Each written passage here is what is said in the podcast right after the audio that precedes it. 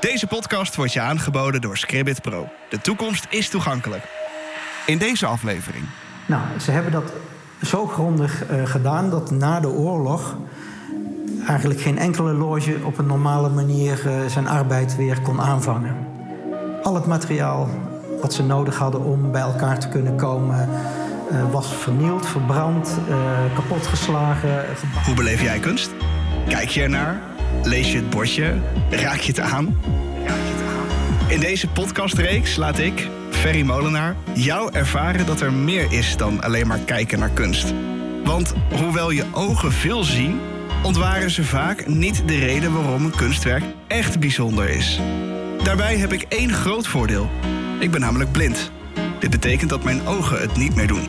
En ik dus bijna letterlijk voorbij het beeld kan spieken. Voorbij het beeld kan spieken. Ga je mee? Deze week ben ik te gast bij het Vrijmetselarijmuseum. De vereniging die bekend staat om de symboliek. En in deze aflevering van de Beeldspeaker hebben we het over de symboliek van het doorgeven. Aan de hand van het werk Monument voor Gevallen Broeders. Ik spreek met de conservator van het Vrijmetselarijmuseum in Den Haag. Mijn uh, naam is uh, Jacques Piepenbrok. Ik ben conservator van het Vrijmetselarijmuseum. Het is een uh, behoorlijk grote collectie. Um, het is een collectie die in de loop van een kleine 300 jaar bijeen uh, verzameld is. Je hebt natuurlijk sowieso de archieven. Dat beslaat inmiddels zo'n 350 meter. En we hebben een collectie boeken, ongeveer 50.000 boeken op het gebied van filosofie, religie, esoterie en natuurlijk vrijmetselarij in alle geledingen. Uh, van uh, bestuurlijke zaken tot uh, poëzie, muziek. maar ook uitgebreide studies over de geschiedenis van de vrijmetselarij zelf. Um, in dit trappenhuis hangt een ja, we hebben hier in het trappenhuis twee plakettes hangen. En één daarvan is een relief uh, in marmer uh, uitgehakt. En daar staat onder 1940, 1945. En het is eigenlijk een soort contrapunt met de trap. En daar staat op, op de voorkant van de treden... Vrijmetselarij kweekt verdraagzaamheid, betracht rechtvaardigheid, bevordert naaste liefde zoekt op wat mensen en volken vereent, tracht weg te nemen wat de geesten en gemoederen verdeelt en brengt tot hoger eenheid door het bewustzijn levend te maken van de allen verbindende broederschap. Nou, dat is best een uh, mooi ideaal, zou je kunnen zeggen, als je dat zo uh, zegt. En dat is ook precies uh, dat ideaal, wat als het ware de mensen los probeert te maken van het volksgevoel, van het bloed en bodem. Om maar meteen uh, een, een, verwijzing naar uh, het monument wat hier in de hal dus hangt te hebben. En dat is dat ja, mensen uh, worden eigenlijk geacht elkaar te vinden, te zoeken en niet de strijd aan te gaan. En, wat er natuurlijk tussen 40 en 45 ja, wat natuurlijk, wel gebeurd is. Juist. Nou, en uh, in Duitsland uh, werd de vrijmetselarij al in de jaren uh, eh, 30 vervolgd. ontbonden ook. de grootmeester daar werd ook gefuseerd. Maar wij dachten in Nederland, nou, het zal hier wel zo'n vaart niet lopen. Nou, de Duitsers zijn in mei dus binnengevallen. En hadden kennelijk al een heel plan uh, klaar om uh, de vrijmetselarij op een goed moment uh, binnen te vallen. En dat deden ze pas in september, toen iedereen dacht van nou... Het komt toch niet. Het komt, nu, nu zal het wel rustig gaan enzovoort. Ja. Nou, toen kregen ze ineens allemaal een brief van we komen dan en dan even langs om de spullen op te halen. en met name de waardevolle spullen. En tegelijkertijd werden eigenlijk de gebouwen onteigend. Alles wat aan vrijmetselarij, aan symboliek in de gebouwen en versiering werd uh, vernield. En uh, ja, daar zaten we met de gebakken peren. Ja. Het idee uh, was wel dat ze de vrijmetselarij zouden verbieden. En als iedereen zich daaraan hield, zouden de broeders verder niet vervolgd worden enzovoorts. Maar wat ze deden, ehm, ja, ze probeerden vanuit die idealen die ik net al opnoemde, ja. probeerden ze natuurlijk toch die strijd voor, een, voor vrijheid en voor eh, de waarborg van die vrijheid, namelijk gewoon een democratische staat waarin de machten gescheiden zijn, probeerden ze eh, te verdedigen. Al, misschien dan niet met wapens, maar in ieder geval toch door mee te helpen met sabotage, dus ook in het verzet gaan. het vervelende was wel dat bleek dat er allerlei informatie door infiltratie bekend was. Dus broeders die toch nog stiekem spullen thuis hadden ja. en verborgen hadden, die kregen te horen van nou we komen wel even langs. Nou dan moet je stevig in je schoenen staan, want ze wisten kennelijk precies wie wat thuis had opgeborgen. Ja. En ja, als je dan een gezin hebt en kinderen, ja, dan zullen de meesten toch besloten hebben van oké, nou dan leveren we het maar in. Maar er zijn toch loges die zijn erin geslaagd om uh, nog wat spullen te verbergen en hebben ze na de oorlog ook weer gewoon teruggevonden. Maar goed, ook tijdens de oorlog zijn er dus door bombardementen, door represailles en fusilleringsacties, zijn er ja, soms broeders omgekomen. we hebben geen bewijs dat er mensen, omdat ze vrijmetselaar waren, zijn opgepakt en in kampen zijn terechtgekomen. Tenzij ze bijvoorbeeld of in het verzet zaten, tenzij ze Jood waren, of nou in één geval, in elk geval, dat was onze grootmeester Hermanus van Tongeren. Die is wel opgepakt omdat hij grootmeester was en omdat ze aanwijzingen hadden dat hij toch iets met het verzet ja. had gedaan. Dat plaket wat hier dan hangt? Ja, dat, is, dat, dat geeft dat weer of zo. Dat is dat... Ja, um, het is uh, eigenlijk heel frappant, want je zou verwachten dat er dan een heel dramatisch uh, beeld uh, zou ja, beetje, hangen. Waarbij, wel, ja. waarbij het leed vooral getoond wordt. Nee, het is eigenlijk een, een, een heel mooi, symbolisch, hoopvol beeld geworden. je ziet uh, tegen een marmeren achtergrond uitgehakt, zie je een uh, hand van boven die een passer vasthoudt. En je ziet een hand aan de onderkant die een winkelhaak ontvangt met die passer samen. En het mooie is nu, de hand die doorgeeft is een sterk vermagerde uh, ont, ja, een hand die aan ontbering is blootgesteld. Mm -hmm. En de hand die ontvangt is een krachtige, sterke, nieuwe hand die deze symbolen, ja. die staan uh, voor uh, de essentie eigenlijk van de vrijmetselarij. Als het gaat om het doorgeven van de ideeën van schoonheid en van gerechtigheid. Ja. Dan zou je kunnen zeggen, die die, die jonge hand, die stevige hand. Het, het, voelt een beetje alsof de nieuwe generatie. Ja, letterlijk. Het, het, het heeft overgenomen nadat de vorige generatie het met heel veel pijn, moeite en leed ja. bij elkaar heeft. Ja. Weten te houden, ternauwernood. Ja, precies. En uh, ja, het is daardoor wel heel erg masoniek. Hè. Die passer en winkelhaak is natuurlijk een behoorlijk. Uh, bekend symbool. En overal waar passer en winkelhaak, in wat voor configuratie dan ook, getoond worden, denken mensen al heel snel dat het vrijmetselarij is. Maar het komt wel nauw hoor. Ja. Het is niet zo dat het overal uh, op vrijmetselarij duikt. Er zijn ook bijvoorbeeld architecten die uh, een uh, plastiekje aan hun gevel hebben hangen met een passer en een winkelhaak. Ja. Maar ja, dat is dan nog niet per se dan daardoor ook vrijmetselarij. Ja, in dit geval wel. Ja, ja, ja. ja, ja. En nou, dit werk is dus pas negen jaar na de oorlog onthuld. Mm -hmm. Het is gemaakt door een Haagse beeldhouwer, George Graf. Hij is aan dat werk begonnen toen hij zelf net pas vrijmetselaar was. Want hij werd in 1953 zelf lid. Hij is in 1900 geboren. Hm. Het klinkt dan een beetje alsof hij zichzelf als die nieuwe generatie zag. Ja, Misschien niet in zijn eentje hoor, maar ja, als nou, deel hij was van toen die... 53 en inderdaad, ik denk dat hij toch wel aangesproken werd door het idee van de vrijmetselarij. Hij was bijvoorbeeld zelf, uh, heeft hij geweigerd om lid te worden van de cultuurkammer.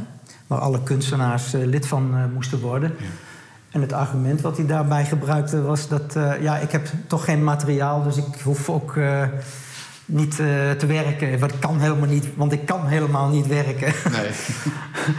dus... nou ja, dat sprak natuurlijk ook voor hem om ja. die opdracht te krijgen. En wat ik over hem uh, zelf uh, kan vertellen, is dat hij een, uh, overkomt als een redelijk getalenteerd, behoorlijk getalenteerd moet ik eigenlijk zeggen, beeldhouwer. Hij kon ook heel mooi houtsnijwerken zeg maar, voorbereiden. maar hij was niet heel erg ja, dominant in zijn uh, manier van uh, zoeken naar erkenning. Mm. Hij was eerder uh, gericht op het lekker bezig kunnen zijn. Graaf werkte het liefst in het atelier van een ander, want dan had hij gewoon gegarandeerd inkomsten. Als hij zijn eigen dingen moest gaan doen, ja, dan was het maar afwachten of hij opdrachten kreeg. Ja. En hij had inmiddels een jong gezin. Ja. Dus het, het was een, nijvere uh, man. Hij kon ook uh, heel goed uh, ontwerpen. En juist in die opdrachtsfeer is het dan vaak onduidelijk van... Hè, het komt uit het atelier van. Ja. Maar ja, wie heeft het dan gemaakt? Nou, heel vaak heeft hij het dan gemaakt. Maar omdat hij ook niet zo bekend staat om het signeren van zijn werk... bijna middeleeuws zou ik bijna zeggen... Ja maar, maar, ja, goed. Ja. nou, nou hangt dit natuurlijk wel op een plek prominent, want je komt binnen. Ja. En je wordt eigenlijk gelijk met je neus hierop geduwd. Ja. Um, dat geeft mij aan, het is belangrijk. Ja. Zelf, hoe zou je dat, als je daar nu naar kijkt, zeg maar, hoe, hoe belangrijk was de Tweede Wereldoorlog voor de vrijmetselarij? Ja, het is echt wel een uh, enorme uh, crisis geweest. Uh, want ja, van de een op de andere dag Nee, de meningen verschillen daar ook wel over. Van hadden we daar anders mee moeten omgaan hè, als we het hadden zien aankomen. Maar ja, dan nog steeds van als je actie neemt van tevoren, beken je als het ware van tevoren al schuld. Dus als je de onschuld wilt bewaren en gewoon laat zien wat je doet en je hebt niks te verbergen, en zo was de opstelling ook min of meer, ja, ja dan is het toch uh, heel uh, navrant dat je om juist die goede idealen. Uh, en ja, je levenshouding die wij als vrijmetselaren pretenderen te, te, propageren, dat je daarop wordt afgerekend. En dan eerder op ideologische gronden van een tegenstander dan inhoudelijk.